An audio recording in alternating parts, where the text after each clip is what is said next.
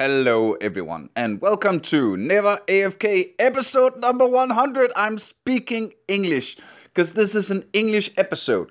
Um, and come on, you, you guys understand English, I am sure. So, uh, first of all, this episode was taped once again in the uh, castle in Poland that you might recognize from the uh, game design and the experience economy episode. Uh, every year, I go to a conference about experience economy. Uh, Google it if you're curious. Uh, College of Extraordinary Experiences. Now, these last couple of years, I've had a ton of amazing computer game conversations with a guy called me named uh, Joseph. And uh, so this year, I was like, man, I want to tape some of this and make it into an episode. Uh, and then I got joined by Steve, who uh, a very very humble Australian. when I say humble Australian, it's because when I ask him to introduce himself, he goes, "Oh, you know, I'm a massive gamer, and yeah, I'm a medical doctor who uh, something something surgery." And then two days later at the conference, Steve gets announced as one of the speakers as being invo- somehow involved with the Australian space program. so uh, I am completely humbled and very, very, very happy to have these two amazing, wonderful human beings in my podcast episode number 100. This is the 100th episode. We have made 100 episodes of this thing. So I just wanted to, before we get into it, just wanted to take the time to say thank you guys. Um, if you didn't listen, this couldn't work. So uh, thank you, thank you, thank you for your support uh, throughout uh, from episode one to now. Uh, we're gonna keep going. As long as you keep listening, I'm gonna keep going. Special shout out to the wonderful people who support us financially on tia.dk. Um, Because um, if it hadn't been for you guys, I probably wouldn't have um, spent this amount of resources uh, putting this thing together. So thank you, thank you, thank you so much. Special shout out to our uh, our uh, gremlin, our producer, our main man Jonas, who uh, helped us uh, start off the entire shebang. And thank you to all of my wonderful guests who have helped contribute with doing this thing. And thank you guys for listening in. Um, I would like to take over the world by the means of this podcast, and the easiest way to do it is get more listeners. So if you want to support uh, us, me, this, whatever, uh, spread the word. Uh, you, if you're gamers, you have gamer friends. If you have gamer friends who enjoy podcasts, pitch pitch this, and see if it might be something for them. Uh, thank you guys so, so, so, so much. It has been an absolute honor and a treat, and we are not done yet. And now, the moment you have all been waiting for, episode number 100. A Danishman, a Scots, a Scotsman. I should have written this down, shouldn't I? All right, a Dane, an Australian, and an Austrian walk into a castle. Take it away. Um, so there does need to be at least some degree of disclaimer of, yes, I'm a doctor. I'm not your doctor. This is not medical advice. No, no, no, no, no. like, I don't know if we're, we're going to get into like talking about medicine. Okay, sure. Uh, the thing is, this is uh, I do a, I do a podcast about gaming. Mm-hmm. And uh, two years ago, I had a fantastic conversation right here mm. with uh, Christy Cleland and Rick Briggs talking mm-hmm. about game design and the experience economy. Mm. And then uh, during these uh, last couple of years, I have really enjoyed hanging out and geeking out about video games with you, Joseph. Uh, I feel humbled when I do because you're like you're fucking like it's it's like it's basically I just want this uh, podcast to be uh, all the conversations we've had but actually taped and shared with the world and shared with the world. Uh, and then I uh, I had a thing with you last mm-hmm. night where I was mm-hmm. like, hey, there's another video game geek mm-hmm. here. Mm-hmm. drop it in. Let's see what happens. Sure. Yeah. Uh, so, and we're we've started, by the way. Yeah, yeah. Like, I don't, uh, yeah, I don't fuck around. might as well just, yeah. might as well get the get the ball sure. rolling, get the thing going, right? So, Uh, Joseph, if we could start with you, Sure. Uh, maybe get you a step I'll get down. it closer. Yeah, yeah, yeah, to make sure. Now, uh, my listeners are very used to uh, what can we call it? Fluctu- fluctuating sound quality. Ah, okay. so, uh, and uh, they're it, mainly Danish. No, like it's a Danish podcast, but if you if you play computer games, you speak English. So don't get self-conscious. Don't anything. Uh, Joseph. Okay, thank you. Yes, my name is Joseph Schinwald. I'm from Austria. I teach game design at the University of Applied Sciences in Salzburg. And uh, I was trained visual effects artist. Uh, and I think 15 years ago, I realized that I love visual effects, but I love games a lot more than visual effects. So I turned my interest uh, towards that topic and implemented it in our university. And now we have a pretty solid uh, game design, game development program running that uh, produces very nice and very interesting games every year. Nice, and that's why I'm humbled. Because it's like you know, you you meet people and you geek out, out about computer games and ah, have you played this thing? Ah, and then you pitch and you do all things. But every time Joseph pitches something like, "Ah, I played this amazing game," and you feel the passion and the and the geekiness, but then you like kind of tag it with, "Oh yeah," and then I applied this at my like, uh, so I apply you took took this game and applied it to my students at a university level master's degree. so it's like it's the it's the conversation every gamer has when you discover another gamer in a in a group and you're like, tribe, right? Yeah. And uh, so it's that with a kicker. And then I uh, connected with you last night. So uh, my name is Steve. Uh, I'm from Australia. Um, Last name, please, so we can properly. oh, so my name is Stephen Hicks. Uh. I'm from Australia. Uh, I've got a very varied and odd and different career uh, career path. Um, uh, I've uh, my first line of work was working in uh, electronic engineering um, many years ago, and uh, currently uh, I work in medicine, mainly in uh, weight loss surgery, and also uh, I teach as a senior lecturer fundamental surgical skills to young doctors who want to become a surgeon. So where do the games enter the picture? Uh, I am a mad avid gamer, so you know, Counter Strike 1.4. There we yeah. go. There we go. Uh, also, uh, I was an early adopter of VR when Oculus first started running their Kickstarter, um, and I've got a number of friends in Australia who are passionate about using virtual reality for gamification of uh, complex skill acquisition. So nice. using games to teach surgery concepts, using games to teach aviation concepts. Um, that someone go someone goes in to have a bucks party, and they come out uh, being able to uh, not realizing they have the fundamental skills for keyhole surgery. Um, yeah, it's why does it need to be hard when it can be fun? Damn. There we go. So uh, I guess that sets the scene. um, Jo- Joseph, can you? Because when we talk, we just do this gaming thing where we where we keep pitching and we like, oh, send me the link to that. Oh, fuck this out. Oh, that sounds cool. Uh, uh, uh. But I want to dig a little here now that we have the time. Yes.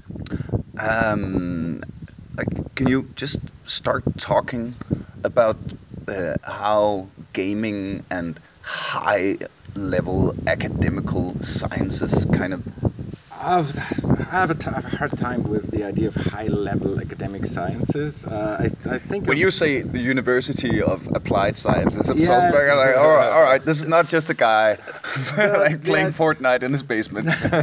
Something's up. At least not all the time. Um, no, the the idea. I think uh, one of first of all, University of Applied Sciences, uh, of Applied Scientists, uh, are are there uh, or were created to cater to the industry. Um, so our mission statement basically is to um, take in this, those students uh, and my let's expand it to my person, personal uh, mission statement and take those the dreams those students have when they apply for the program and help them make it true. Uh, and the dreams are I want to work uh, as a character animator at Blizzard. I want to do independent games as a game designer, and want, I want to use games to get across uh, a message that I that wouldn't be as powerful otherwise. or I want to work at Pixar. So there is always those dreams, and that is what we're there for. Uh, and I think then it's the next step to say, okay, we really want those students to work on those things they dream of is the logical next step, and that is what the University of Applied Sciences is, in my opinion at least, is is there for. And that is the approach we take. Uh, we we're very fortunate that we have two programs at our uh, university. One is called Multimedia, where I work, and our sister program called Multimedia Technology. And the multimedia art side of things covers sort of all the aspects of media production, from film to audio to animation to media design. And the multimedia technology side has web and communities, AR, VR, and games. And the, the bridge between those prog- programs is uh, game design. So we have the core skills in programming, core skills in content creation, and bridge that together uh, with the game design class, which is uh, teaching rule sets, uh, how to design rules, how to design features, how the production workflow works. But we're not about teaching Unity or Maya at this point. We're really thinking about what the game should be, how it should work, the mechanics. And that is a very nice bridge because students beca- uh, from both sides uh, and from both programs get together there and I don't care where they're coming from at, that, at this point. Uh, they're all game designers, and if their background is programming, great. If their background is uh, animation or sound design, also great.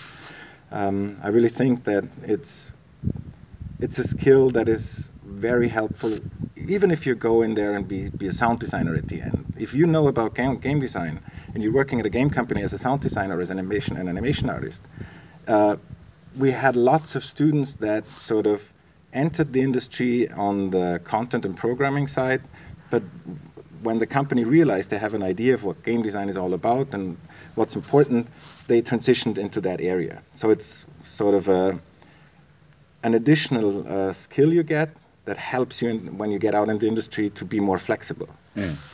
So that is our approach, uh, and yes. Having you having you say that um, makes me think uh, I sometimes get the question when I do I do stand up. Mm-hmm. I sometimes get the question, can you enjoy stand up? Yourself. Myself. Yes. And I was kind of thinking that uh, that might be a worthwhile question to you. Okay. Um, I enjoy stand up a lot. but, but, like, um, I believe that because I know the nuts and bolts and the tools of the trade, that I enjoy good stand up even more and I uh, can quicker um, see the gaps of where the expertise is lacking. Mm-hmm. Do you feel the same about video games? Because when I talk to you, it's like. Fortunately enough, no.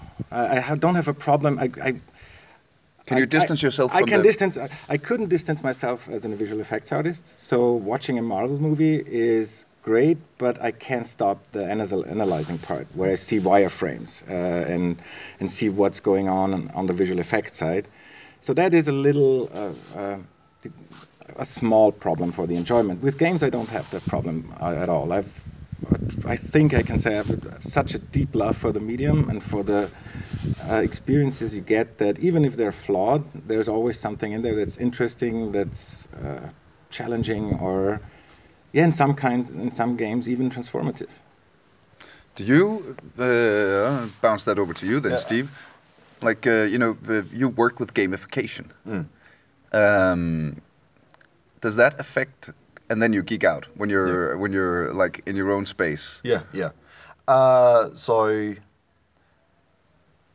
anyone who has a background in programming, I'm sure will resonate with this. That you're using an application or a menu system or a piece of software, and you can see what the engineer or, sci- or, or programmer had been trained in and what they were trying to do, but they didn't pull it off. Or even worse, they did it perfectly from a 90s so, uh, software architecture mindset mm-hmm. that you go, I know what you're trying to do, but no.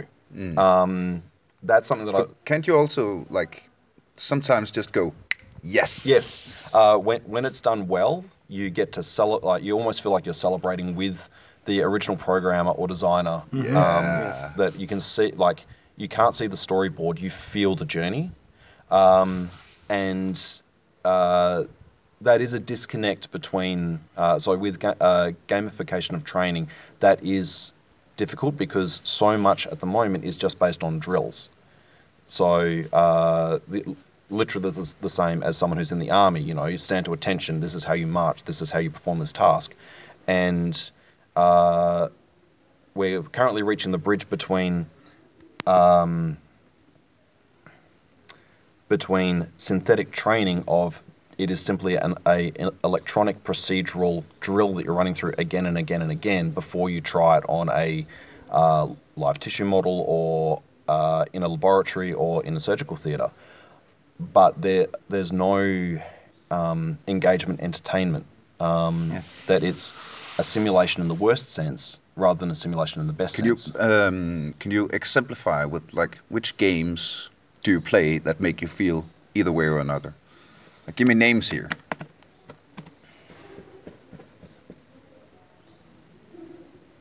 Or think about it and have and have you and Can I ask, the- ask the, same you, question to you. uh, just an extension to it? Uh, because I have the feeling with games that there is often ambition over execution. So Yes. there is Which lots game? of ambition. Which game do you feel that?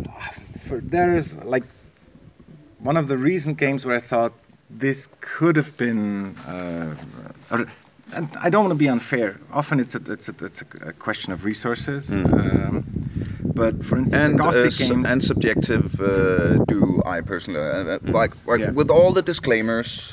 Yeah.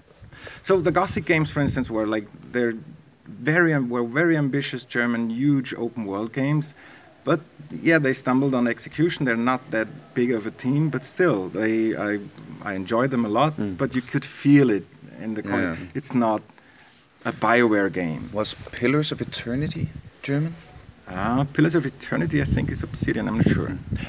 Um, one game that uh, has completely dragged me down the rabbit hole, and I like I think my Steam account is saying that I've got several hundred hours in this game now.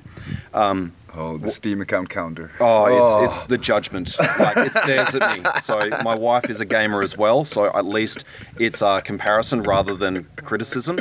Um, but uh, a game that the the uh, the idea of deliberate pacing, um, uh, anticipation, working uh, working step by step to achieve and having having that feeling of threat, risk, reward, safety. Yes. Um, uh, I won't articulate it very well, but I found that that is a very useful skill set, especially in areas of medicine for what is your psychological management? How are you self managing in a work environment? Uh, this game has completely sucked me in for the last two or three years, uh, called The Long Dark by Hinterland. Believe it's an indie produced game. I'm pretty sure it was kickstarted to begin with. Very, very simple concept that was executed well. Of uh, so it's a sandbox game, open world. The uh, so like Rust or The Forest, but there are no zombies, there are no dragons. What has happened? You're a pilot and you're flying through far north Canada. There is a flash of aurora and the world's electronics switch off in a silent apocalypse. So you crash land. You have no electronics. You're on a on an island off the coast of Canada. It is cold. It is dark. There are wolves. Find food. Find water. Um, you know, go from there. Yeah. Which um, for a game that has the risk and reward like threat, life and death. Uh, the first time you get attacked by a wolf, like you almost like almost fell out of my chair. But uh, it's a game that, that is positive and, and strive towards the uh, the psychological mentality of survival, of hope and success. Um, that's a mental skill set that in my occupation uh, atrophies over time. Um, Atrophies? uh, so uh, withers.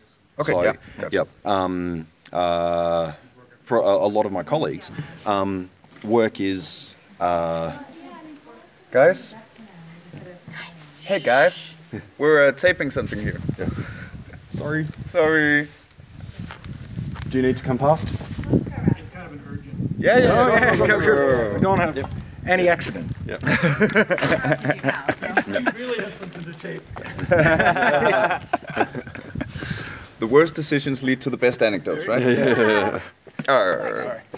so the long dark. The long dark. Um, yeah. Uh, for the idea of um, uh, mental attitude for survival, um, which you gentlemen are European. I'm assuming you've done some some type of military training or service.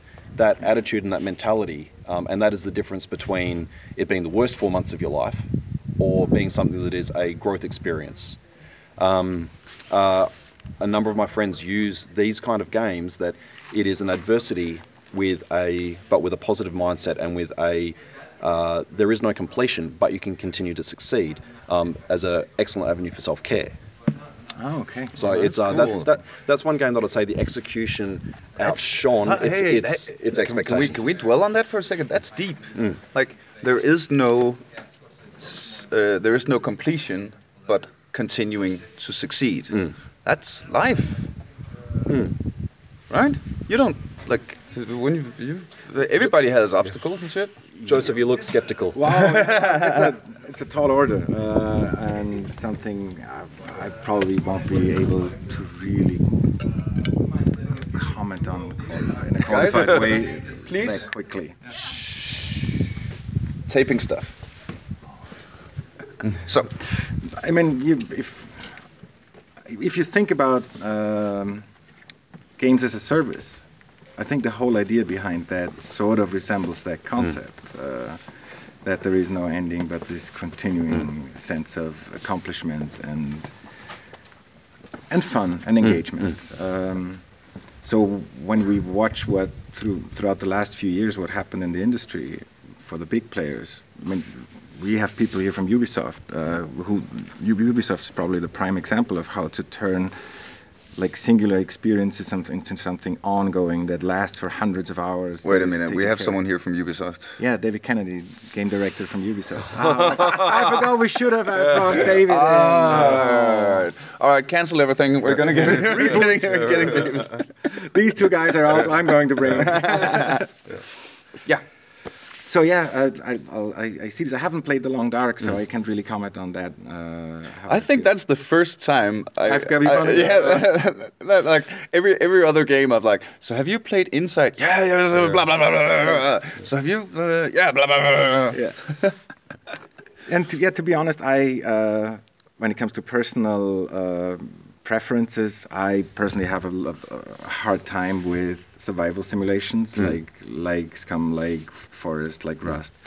Um, I think uh, be- just because of the reason you enjoy it, like the long time you can invest. Uh, I've fallen into these holes, uh, and like World of Warcraft for one and a half years, Heroes, uh, Heroes of the Storm for over a year, and they become pretty exclusive at that point. And every time I sort of got out of that, uh, I don't want to say addiction, but that passion. I uh, felt a little bit sorry for, for all the games that I've missed in that time. So, um, to, as a self-protection, I'm trying to stay away from. On the other hand, I put in, I link, I think like 400 hours into Skyrim. To be honest, 150 of those hours went into modding Skyrim. we, we And the, la- and the last 100 hours went into fucking smithing iron daggers. bang, bang, bang. Grind grinded Oh, baby. Yeah, yeah, Yeah, yeah. Like the first time I, I, I found the here read this book. Here's smithing 100. Now actually Oh. play the game mod. Because you know you get you geek out about uh, like Skyrim was my like uh, for the time it came out. Like Skyrim was the game where I ha- I had the idea that the developers had been sitting in their basement with a large poster of me on the wall, and every 15 minutes they do, oh, stop everything, just checking in. Are we still are we still doing exactly what this guy wants? Right? Did you go out and then learn how to blacksmith? Uh, I that- I started that the, the other way around. Right, 'Cause I'm an old school LARPer, and once at a medieval fair, Outstanding. I, uh, so you already knew blacksmithing. Well, uh, no, I, I spent a weekend under very careful supervision with a guy who knew what he was doing, and I made a little bitty knife that Yep. took 12 hours to make. Oh, nice. Very cool. Uh, but but that was fun Yep. because that that you actually produced. Uh, I think that that grindy experience was the only thing about Skyrim that kind of. Uh... Okay, sorry. Don't, us- don't underestimate the catharsis of having red hot iron and a hammer and working out your Yeah, like, frustration. in real in real life, it's amazing. Yeah. But in uh, you, when you're like when you're experiencing it, Like when you're exploring the crafting system, when you're like, oh, wait a minute, so if I, oh, that makes, uh, and then, oh, I can put a diamond in it to be, uh, all right, all of that stuff. That's funny. Yep. That's explorative. Uh, but the but the vertical, okay, uh, I'll sleep for 24 hours, so this guy has more iron bars I can buy, and then I'll have to do the uh, the thing to get the leather straps, and then I have to because I I discovered, which I believe is a design flaw of Skyrim actually, that you gain as much progress towards the next level of smithing by making iron dagger as you do by making a full plate Daedric armor. So of course, like, all right, I, I, I want a quest. I don't want to stand here, but they could have gamified that Yeah. Uh, But it- more it- somehow, It's um uh, when it feels like you're going from playing a game and immersing yourself in the game environment to am I running a spreadsheet for a logistics backend of a delivery company? Where- where- that- you go from Fus Ro Dah to Excel. yeah, right? yeah, and it's when your game becomes a job. And I think that with what you're saying about um, falling into, Yes. especially the MMORPGs, Yeah. of you you you t- come up for breath a year and a half later and go, wait, what? It's interesting to see if I uh, watch my friends list on Discord. Uh, you can see that there are some people in there who have been playing, playing, in my case, Heroes of the Storm for like three or four years now, Mm. and I see them every almost every evening. So there is this intense uh, quality to the to those games, and I completely understand why games like League, League and, and Dota became so huge because it's so satisfying, and and the, the cooperative component, the co- cooperative and component, uh, uh, the cooperative and the uh, competitive component come together in a, such a beautiful way uh, that is it is extremely engaging. I distance myself from those kind of games uh, just because I'm not a fan of PvP. Mhm. Um, I uh, used to play a lot of uh, Killing Floor as a first-person Yeah. shooter. Um, if it's not a headshot, you're wasting ammo.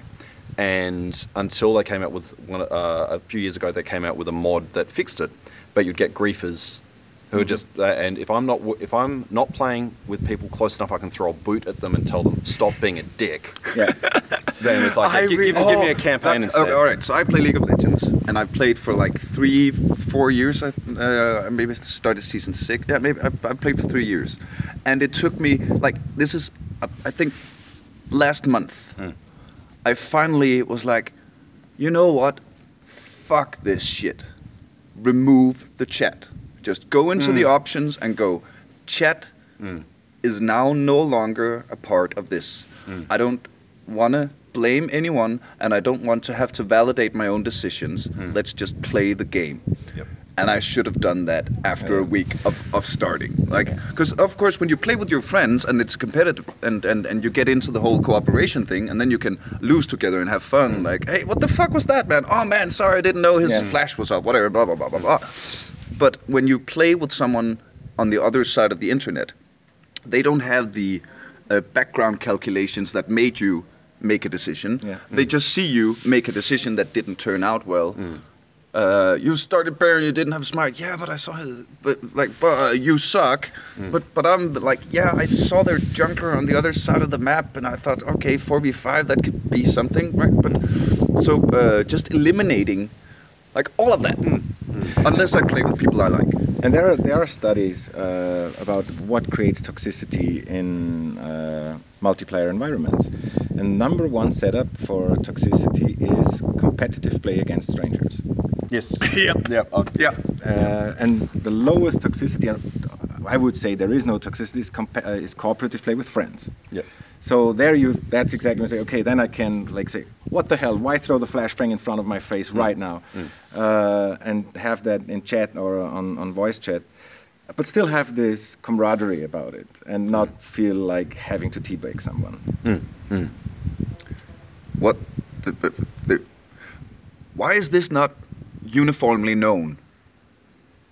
I, I think it is within the game development community that But the that, game that cooperative that cooperative gameplay is an extremely good way to engage players and, and, Mm. and, Yeah, and yeah, yeah. form bonds and But I'm just thinking, but like we've done a lot of episodes on toxicity and uh, what all that does. But like, if that's that's actually a point that I feel is is beyond the world of gaming is that in in any shape or form, be it uh, uh, uh, sustainability or social issues or uh, like all of this, there are studies that have found the solution, or but but it doesn't translate into the end user somehow. Yeah, sorry, you go ahead. Um, uh, you'd be able to comment much more, like uh, with a degree of authority on this. Uh, I was listening to a podcast. I think it was on the Tim Ferriss show, where a um, a podcaster was talking about feedback that comes comes to him when he releases an episode or writes a blog. Who is he again? Uh, so uh, I can't remember the uh, which interview I was listening to, but it was uh, someone being interviewed on the Tim Ferriss show. Who's Tim Ferriss? Uh, For those who don't know, uh, so like Tim. Fer- uh, Tim Ferriss wrote the Four Hour Work Week. Oh, Yeah. Um, so uh, he's a eclectic, dissident, subversive, entrepreneurial. Um, he's a strange person, one of our people. yeah. And, uh, so in this interview, the um, the this blogger or podcaster, I can't remember the context, said that he has a habit of when he goes through the correspondence, he'll actually start responding like. An email came through saying, "Dude, you're full of shit. You don't know what you're talking about. Why the hell did you say that? You know, you need to get a clue." And so he actually will email back saying, "Oh, I'm really sorry you don't agree. Could you expand a bit more on how you think I should present that differently?" And the replies that he gets from that is, "Oh, I really didn't think you'd read this." That there seems to be a uh, an element of people sending this negativity out into the world, whether it's you know uh, you know uh, disenfranchised teenage gamers who that's how they get their rage, like they hate school, that's how they get the rage out, um, or uh, frustrated professionals, or people who are just dicks maybe at times. Yeah, yeah, yeah. But um, yeah, But it's easier to be a dick to someone you don't know. Exactly. Well, someone yeah, you don't see, yeah. right? Yeah, you're, you're a six foot tall Viking versus if we're on Dota, you know, I can start throwing any number of slags and slurs at you and go like, yeah, what are you gonna Yeah, do, yeah, man? yeah. I'm in Australia. uh, if we're in the same room, then I'm probably gonna get one of your size 12 boots thrown at my head. Um, it's that uh, the And and uh, yes, and also we every humans want to connect. Humans Mm. want to to to like have community, and so it's it's not only uh, I fear of the the physical Mm. repercussions. It's also I actually kind of want you to like me. Yeah. Because that's Yeah. that's Yeah. gonna make this social setting we're in a lot easier. any attention is good attention. Right.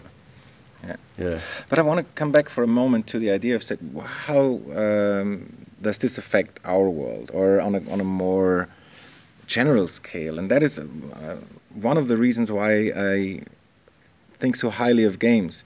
Uh, there is this, uh, I think it's now five year old, this book by Jane McGonigal, an American researcher, called Reality is Broken, which is quite quite famous. And the idea behind it is basically we're not playing enough games. Um, and if we look at at the theory, how do you does a human become really really good at something?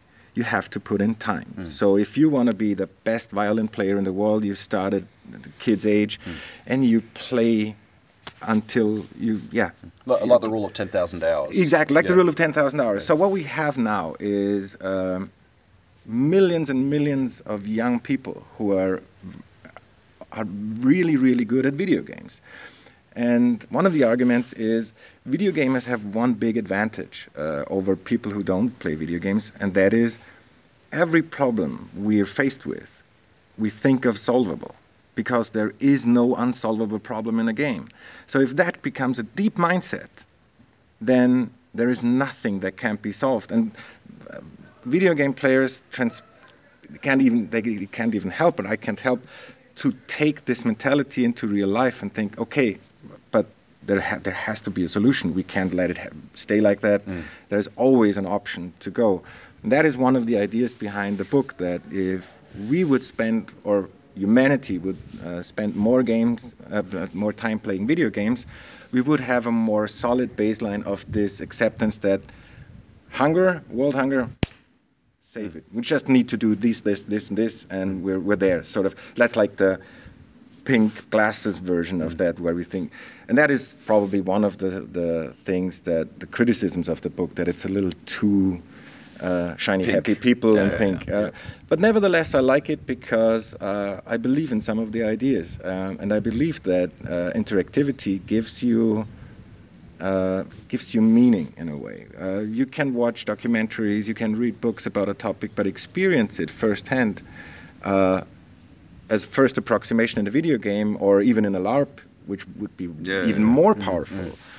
Transforms your mindset and, and gives you an experience you remember as having lived through something, uh, as opposed to having watched or listened or read, re- read something. That when you say that, I immediately think of uh, Hellblade: Senua's Sacrifice, Yeah. which was uh, it's a first-person action puzzle, uh, kind of like Darksiders or and third person, yeah. Yeah. Um, that was developed with.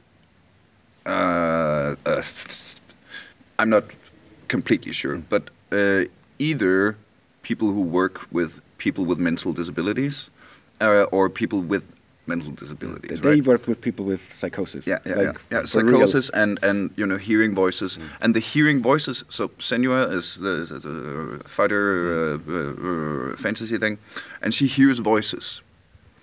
And they really tried to put into the game what that, uh, and then they made it a part of the combat system Right. that you'd get, uh, you'd get uh, like a watch out. Yeah. And when you heard watch out, something is coming at you from the back. And it's all So they- binaural sound yeah, as well, yeah, so yeah, it's yeah, yeah. moving Oh, around. yeah, you. yeah, yeah, yeah. And you yeah. hear it from the right, and you're uh, instantly like, Yep. um, yeah, That uh, from from a um, medicalized mental health perspective, what uh, if someone was playing that and or, or if it was in a stand up like a stationary VR perspective, um, uh, uh, psychiatrically naive civilians watching that and seeing someone suddenly react um, as a as a tool for this is what your loved one, this is what your family member, this is what they experience. When they hear a voice, for them it is real, it is the truth of God. This is profound, and so they react. To us, it looks bizarre or wrong or destructive, but for them, this is a reality that they have to exactly. have to live and with. if and if we saw a documentary on people who heard voices, we'd be like, ah, ah, ah. Well, but yeah, now, but now, but now we are hearing the voices, yeah, right? yes, yeah. And that just internalizes the whole thing. Yeah. Um, with what you were talking Yes. before about um, the gamer concept of every problem can be solvable. Um, uh, ignoring some some awful dating experiences where I tried to grind any system. Oh yeah, yeah, yeah. yeah. this does not work with romance. no, no. Gaming, every problem can be solved is the worst thing you could ever do in any type of like Well, relationship. You, you do get achievement unlocked, restraining order. um, but uh, uh, I've got a number of. So um, I'm very fortunate to work and teach and um, uh, mentor very passionate, driven, highly educated, motivated young people who then slowly get ground down and crushed. Either through uh, the corporate model of medicine or friends that have gone into industry and that they, they go into law wanting to change the world and they end up being a financial analyst working in a back office and the only thing that brings them hope in their lives is that at home in a garage there's a Ferrari that they never get to drive.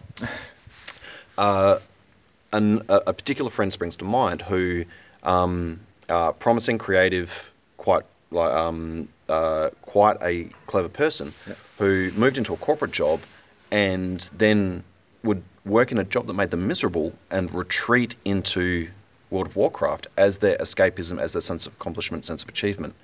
That that um, continuation, I guess, the call to arms of uh, you're part of the uh, gamer society. Um, no problem is unsolvable. If there was a, a Steam badge for solving world hunger, then it you know someone would grind that pretty fast. but uh, the the idea that they then um, start to replace aspects of their real life with the, with their games. So uh, in in addiction, there's a theory that um, if someone is addicted to alcohol or heroin or any or food, um, which is that's an area of where I work, what pain did that substance treat? What uh, what um, what comfort did that did that substance provide? Um, did drinking help you forget bad memories? Did certain drugs make you feel a sense of love or, or accomplishment or importance? Does food make uh, does eating make the uh, make the sadness quieter? And it becomes addiction when the effects of, of your substance start to affect your real life. Um, games are incredibly therapeutic for a lot of people, but it's when it starts to move into that replacing your human relationships, replacing your interaction in the world, replacing your creativity at work, that you grind a spreadsheet rather than thinking, hold on a minute, why do we do it this way? The uh, we uh, I had one of I made one episode about the uh, about addiction, video game addiction, and I had um, a I had two very very brilliant people. One is a psychologist, and one uh, I don't know his like his theoretical background, but he is a he he he knows his shit, right? Uh, shout out to Christian and Esk and Johan. Um, the- but the the entire point of that was the whole um, there is no such thing as addiction. There is there is uh, lack of compassion and lack of connectivity and lack of um, so the people who get addicted Mm. are people who need a substance to replace something else that they're Yeah, losing. yeah, And what, what, what, yeah. What Christian says is they, there's been studies that if you take uh, sound people, like mentally healthy, the uh, when you sit down and play video games, if you like, if you're a gamer, then your endorphin whatever curve uh, spikes, Mm. and then at some point it uh, it derails until that keeping sitting there will actually make you sadder Mm. or less than the baseline. And the time for this is, I believe, about six or seven hours a day. So, yes, there is a point where video games become too much. Totally. But that point is way further down than most parents would say, oh, you can have two hours. Uh, Yeah, yeah, I, right? that, that I do agree with. It's uh, um, and this is admittedly showing some of my background. I went to a, a LAN party for some um, younger friends of mine, which um, I'm not a fan of Dota personally. They are. Um, what really surprised me was that they'd play around. It takes what 30, 40 minutes, and then they'll talk talk about how cool it was for an hour. And- Post game analysis. yeah, well, well, not, not even that. It was like, hey, when I did that, that was really cool. Yeah. When you did that, that was really cool. Yeah. Um, and uh, I, I kind of slunk into the corner and started playing Killing Floor. And someone came over and said, oh, you're being a bit antisocial, but this is a LAN party. We're here to game. You know, it's, oh, well, you know, we're still here for another hour or two. It's only 8 o'clock at night. Oh, yeah, every now and then we'll go, we'll, we'll play till, you know, midnight or 2 a.m. or, dude, that's a Tuesday. Uh, I was thinking about the idea of escapism um, because I'm I'm a little bit critical about, critical about the discussion around it. Often in media, the escapism idea is presented in a way that I think is a little bit one-sided and biased. Um, and there is something to be said for in, in favor of the uh, of the, the concept that people escape their reality. And the word the escapism came from from Harry Houdini's uh, escape shows, where he got rid Really? of chains. That's what the origin where escapism. Then when the Great Depression started.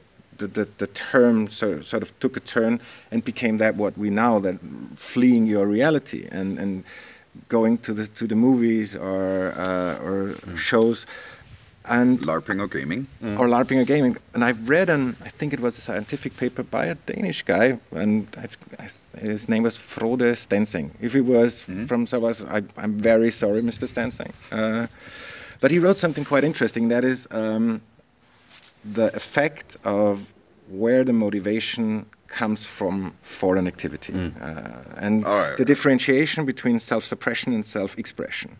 And if you and it, it's not re- the, the, the the paper is not related to video games at all, but it applies perfectly. And the question is is why do I when I get home from work, why do I start up the game I love and play it? Uh, do I play it because I'm rewarding myself for I had a great day, I'm, I achieved something, it was good, and it's sort of uh, a gift to myself, um, which would be self-expression, or is it something where I said I need the escapism idea? I retreat myself. I don't want to see the world anymore. Get get the fuck out of my life. Or is it the story of the wow the wow widow? Of Yeah. You finish work and you come home to your second job of four hours of hunting boar skins or Yeah. whatever.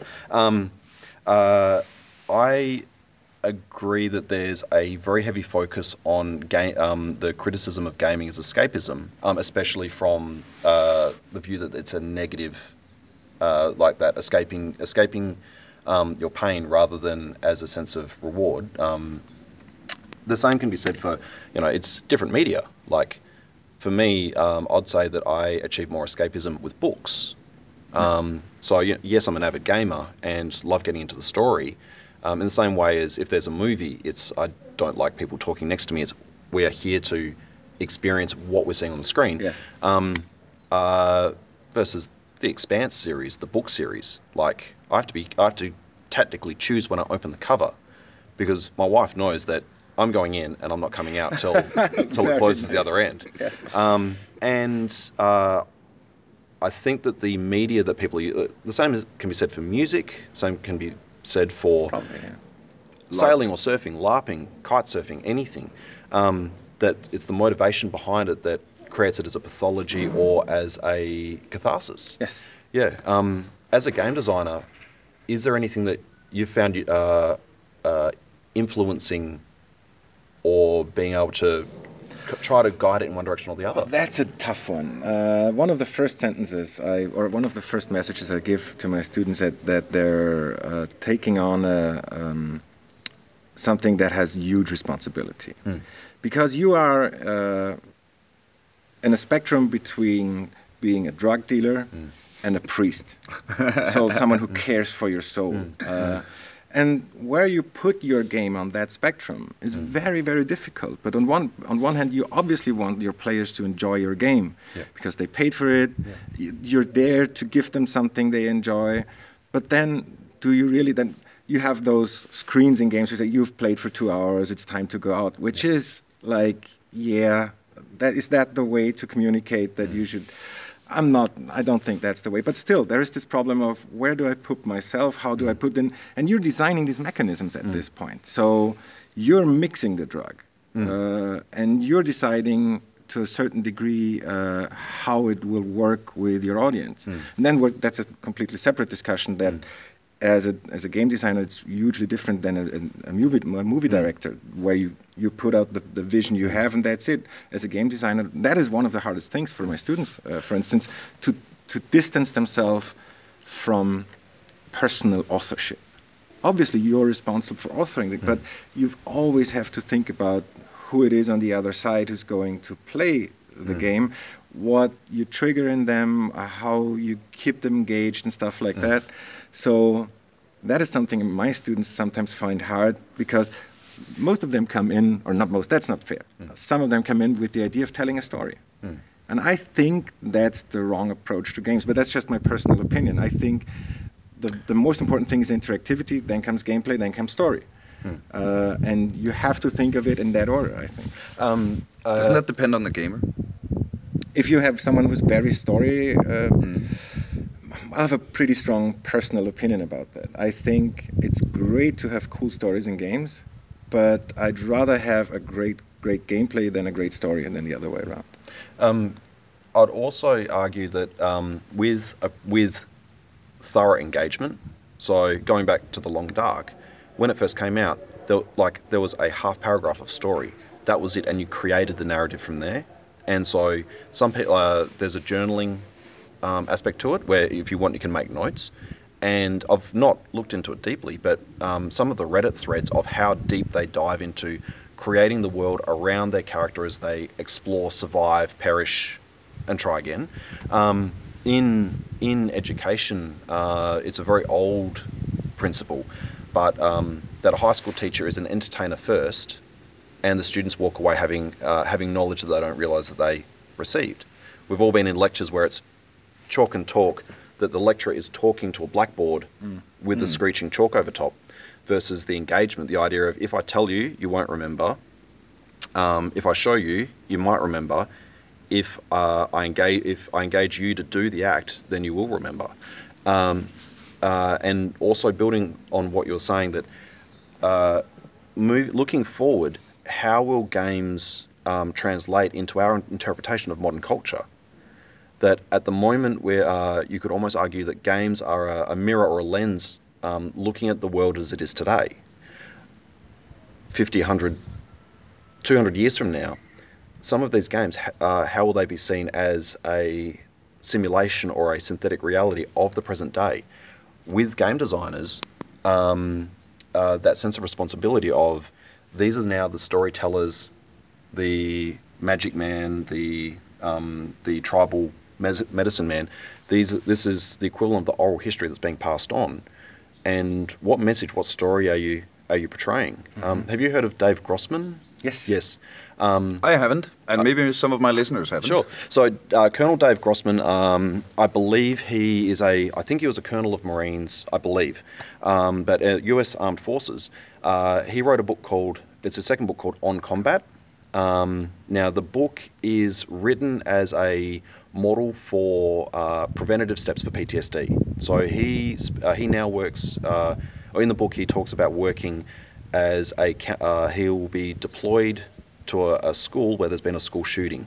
Uh, he debriefed a lot of the first responders from the World Trade Center, and he works with a lot of veterans of PTSD, um, talking through their experience, and uh, has developed various skill sets for um, for uh, uh, inoculating someone for a uh, for post-traumatic stress disorder when they're coming into a traumatic event, um, mitigation steps during the traumatic event, and then how to perform the debrief. So the first book, the first first third of the book is discussing the problem. The final third of the book is giving uh, stepwise how you uh, the the management skills and strategies. Some uh, his breathing technique. I teach it to medical students, and uh, it's very uh, it was originally developed in the military to help calm soldiers. Um, very effective. Uh, one of the stories I've heard is a 10 year old child can have their arm, a broken arm set using just the breathing technique as their anesthetic. Um, very, very highly rated, very effective. Uh, the middle third of the book is effectively him going on a rant about violent video games as being training simulators for school shootings. Oh man. So I, I'm bastardizing it. I'm not doing a good job, uh, but it's um, Really? So it's keep in mind. So I was an avid. he ga- sounded so cool. I was like, hey man, I'm really into this guy. Um, he, he, talk, he talks about the responsibility component of it, and also that a lot of the a lot of the modern first-person shooters gaming games that are coming in are based on the principles of military simulation um, for leading a target, um, uh, threat assessment, target uh, target decisions, all this kind of stuff. Uh, I got to say, I was a hardcore gamer the whole way through high school. Um, the bloodier the better. Um, and the, and if you remember when Quake first came out, it was the first game to capture frenzy. Mm. On like it's yeah, um, Yeah. where where you retreat with rocket jumping, and it's just okay. I'm gonna have to respawn. You know, when you come down from the buzz. Uh, he convinced me uh, to a degree about um, uh, being careful with your exposure of young people to uh, interactive images of violence. Um, uh, I, uh, of course, it's you need to make your own decision, but it's something that, especially as uh, as we move on to become um, uh, older members of society and looking at it from an education perspective, what are the messages, what are the images that we're putting out there, and even if they're the same, it's acknowledging where we fit in that delivery and that responsibility. Um, I don't think that a six-year-old should play uh, Wolfenstein: The New of course Order. not. Of course not. No. Um, and he, he actually explores through that of well, what about ta- uh, he talks about a case study of of a father taking a five-year-old to see Saving Private Ryan, which with a neurodevelopmental stage of the child, for them what they see on the screen is actually physical reality. Yes. Um, uh, where on the spectrum um, is it appropriate and responsible? Um, like uh, in Australia, we have the rating system. Exactly. So yeah, So- MMAR, and the number of parents who buy R-rated games for 10 and 12 year olds, um, because it's seen as a game. Exactly. That's Ru- the huge problem. Um, people don't see this as a liter- uh, a form of literature or media. Um, uh, and because it's a game, it's actually even more powerful. Yeah. Right. well, uh, yeah. And I, I, I yeah, I, I, I agree to a certain extent, and especially, um, I, but I think there is a pretty easy solution that's already, and you already mentioned it, um, that there is ESRB, PEGI, and so on. So if uh, the parent would take a little more care about what their kids Enforcing play, that. Yeah, um, yeah, yeah. and I've, I've I've had that in, in, in my personal life that I've seen kids play GTA at eight years old, and I and I stopped that, but I did it for a while, and I asked the parents, um, "Did you give him uh, porn movies as well?" Yeah. And they like, what, what the hell? And I said, well, both of them are for 18s and ab- 18 years and above. So what's the difference? But this is game. This is play. It's a toy. exactly. And it's like, well, Are you're Yeah. gonna give a child a bayonet. I'm gonna play the devil's devil's advocate just for a second. Yeah, sure. Um, now, I completely like no, I'm not trying to front. Mm. Like when your when your brain is developing and you haven't learned yet learned the difference between reality and facilitated uh, Mm. reality. Yeah, don't have your eight-year-olds play GTA. Yeah. Mm. Right. Um, um, um, but I do think that society in general don't give kids enough credit for how smart they really are. Can I one sentence? Because I yes, uh, and that is why I would be a little more flexible, and that includes again parents really caring and really checking. If something like I uh, I have an 11 year old daughter and she plays Fortnite with all her friends. And I I'm not sure. You have but I think it's 12 or 14 uh, the age restriction for for Good luck, And good luck good luck- making good luck. that on happen, that one. on a global scale. But the idea is that if if you've got your feeling that, that, that your child is is capable of reflecting and and and, and is like you have the your your ten year old that's prob that's capable of, of, of or feel you feel like that she or he would be able to deal with something that is for appropriate for ages 12 or 14 there is this there is this flexibility but don't jump over from 10 to 18 Yeah. uh, i Yeah, wouldn't yeah. want to so Yeah. there's and i think there is wiggle room in that Mm. and but this wiggle room is the responsibility of the parents Mm. and i've got a feeling that educating parents about that games are a medium like any other in terms of Mm. spectrum of messages. And there are adult games Mm. that are catering to to themes that are, are interesting to to to adults. Mm. you're watching your your thriller on tv why isn't the, and there are games that are catered to the same audience uh, and I, you wouldn't want your kid to sit next to you when you're watching a thriller. So don't let them play the game that deals with the same topics and the same issues. Yeah. Dear sirs, we have been talking for almost an hour. Can I just add one last comment on Huh? that? It- This isn't the last comment. Well, I no. Oh, oh, yeah, keep yep. it, keep it, Yep. because you can add several. Yeah. But I am gonna say that uh, we need to. I'm not like pressing stop now, Mm. but we need to kind of maybe um, try to raise the bar. Uh, what's the word I'm looking for? Wind it down? Ra- Wind, wind it into a down. Maybe tie, tie a bow. Um, like maybe finding a common denominator Sure. with the things we've been talking about. Um, I so there will be some of your listeners who are sitting there quietly fuming, saying, "Don't you tell me how to raise my kids." So Probably, yeah, that's what my- it's- I'm, I'm speaking directly to them to see how many rage quit at this point. so all of us grew up in the TV culture, the babysitter. Yeah. That it's a putting them in front of the TV. It means that mum and dad get some quiet, like they can get on with what uh, the logistical management of the house. Um, so it, everyone's we've been subjected to that, and we've also all performed that. Um, iPads now are more pervasive for that. Yep. Putting someone in front of a TV show, then you get 20, 45 minutes of quiet time to get the cooking done, to get the cleaning done, and the like. Now, now putting them in front of a video game that engages them for two, four, six hours. Uh, I would go as far as to say, with with what you're talking about, parental engagement. Uh, there is a, uh, I feel that there is a generation of young people who their engagement uh, components of their nurturing is now coming from their sense of accomplishment in the games. That can be a very positive thing for the building of community, teamwork, working with strangers. Um, the ethnic diversity available in gaming, I think, can be a very rich and strong thing. But it's when that is uh, being used to substitute for home engagement, family engagement, personal engagement, um, that interaction with their parents. Yeah. Um, playing Fortnite with your with your daughter would be one thing. I do. Yeah, that's a very. It, it is a very cool way to connect uh, over something that she enjoys usually, and uh, me too, basically. yeah. versus a I'm I'm sorry, Daddy's busy. Yeah. Why don't you go play your game? And then you get into work and you suddenly realize it's six hours later. She hasn't had dinner. Mm. You haven't had dinner. You're both now like that gaming, that cra- the the fuzz, the burn, the cranky. And then, well, what's your next experience? Mm-hmm. Um, how, uh, as a parent, how are you cu- uh, curating the culture that your child is exposed to? And I understand that uh, as a parent, I, I, I completely understand that it's not that easy. Just just like, first of all, nobody buys boxed video games anymore. So just turning the box and looking at the age restriction is not. It is a little more involved. I understand that.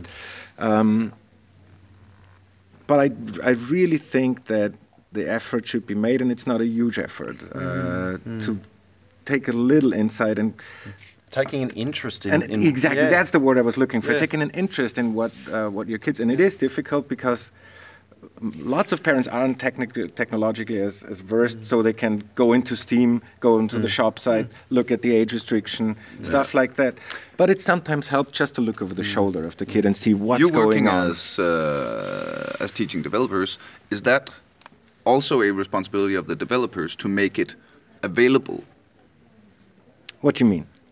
The, I mean, the uh, information or yeah like uh, the um, it I, I totally agree Uh, the involvement of parents Yeah. is there also something uh, I, I remember was it you talking about the monetization system of Fortnite Yes. where it was really like how well crafted it was Yes. but without feeling um, abusive. yeah Yes. So um, I, like when your when your target group is the Fortnite target group, Yeah. the, there parental supervision is a thing, right?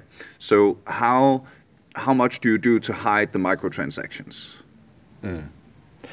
At this point, I think then, uh, if the question is- a little biased in itself, because um, there are obviously we talked about Fortnite and, and the monetization, and there are good examples. And I think Fortnite is is a fair setup. You you pretty much know what you're getting beforehand. It's for the, the amount of time the, the game provides, the, the amount of uh, content that's constantly changing.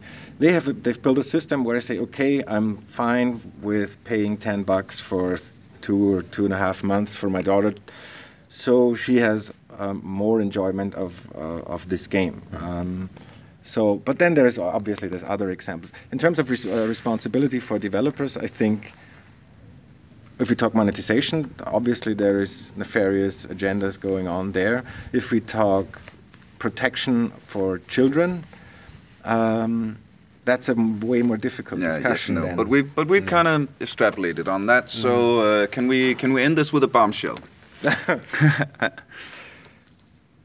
wow, you know you. Yeah, I'm sorry. Steve, go ahead. Look, You're- guys, I'm so sorry to drag you out of this. I No. could stay here for No, no, hours no, and hours, but I'm just. Uh, Um, uh, what do you mean by bombshell? End it with a bombshell. Uh, can we uh, put uh, this conversation into very few words? Games are good. Use them with care.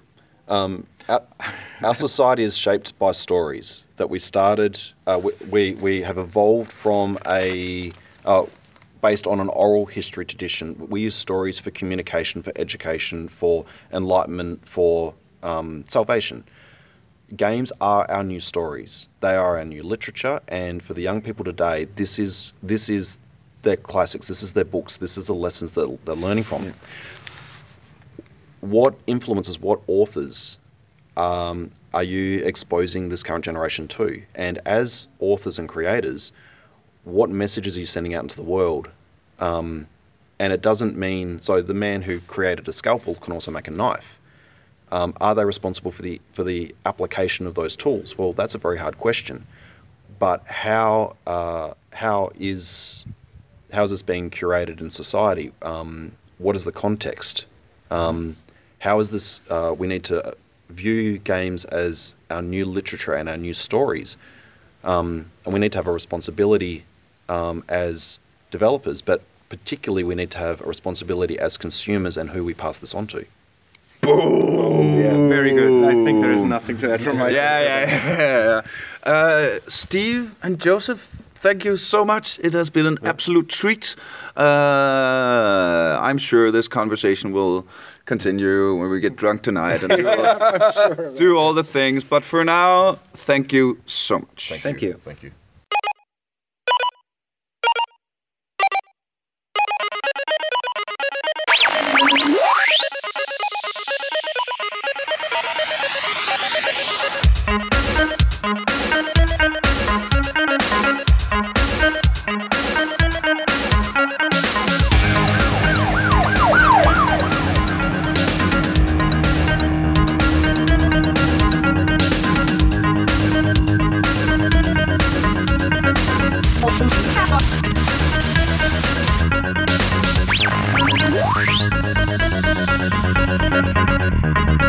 Thank you.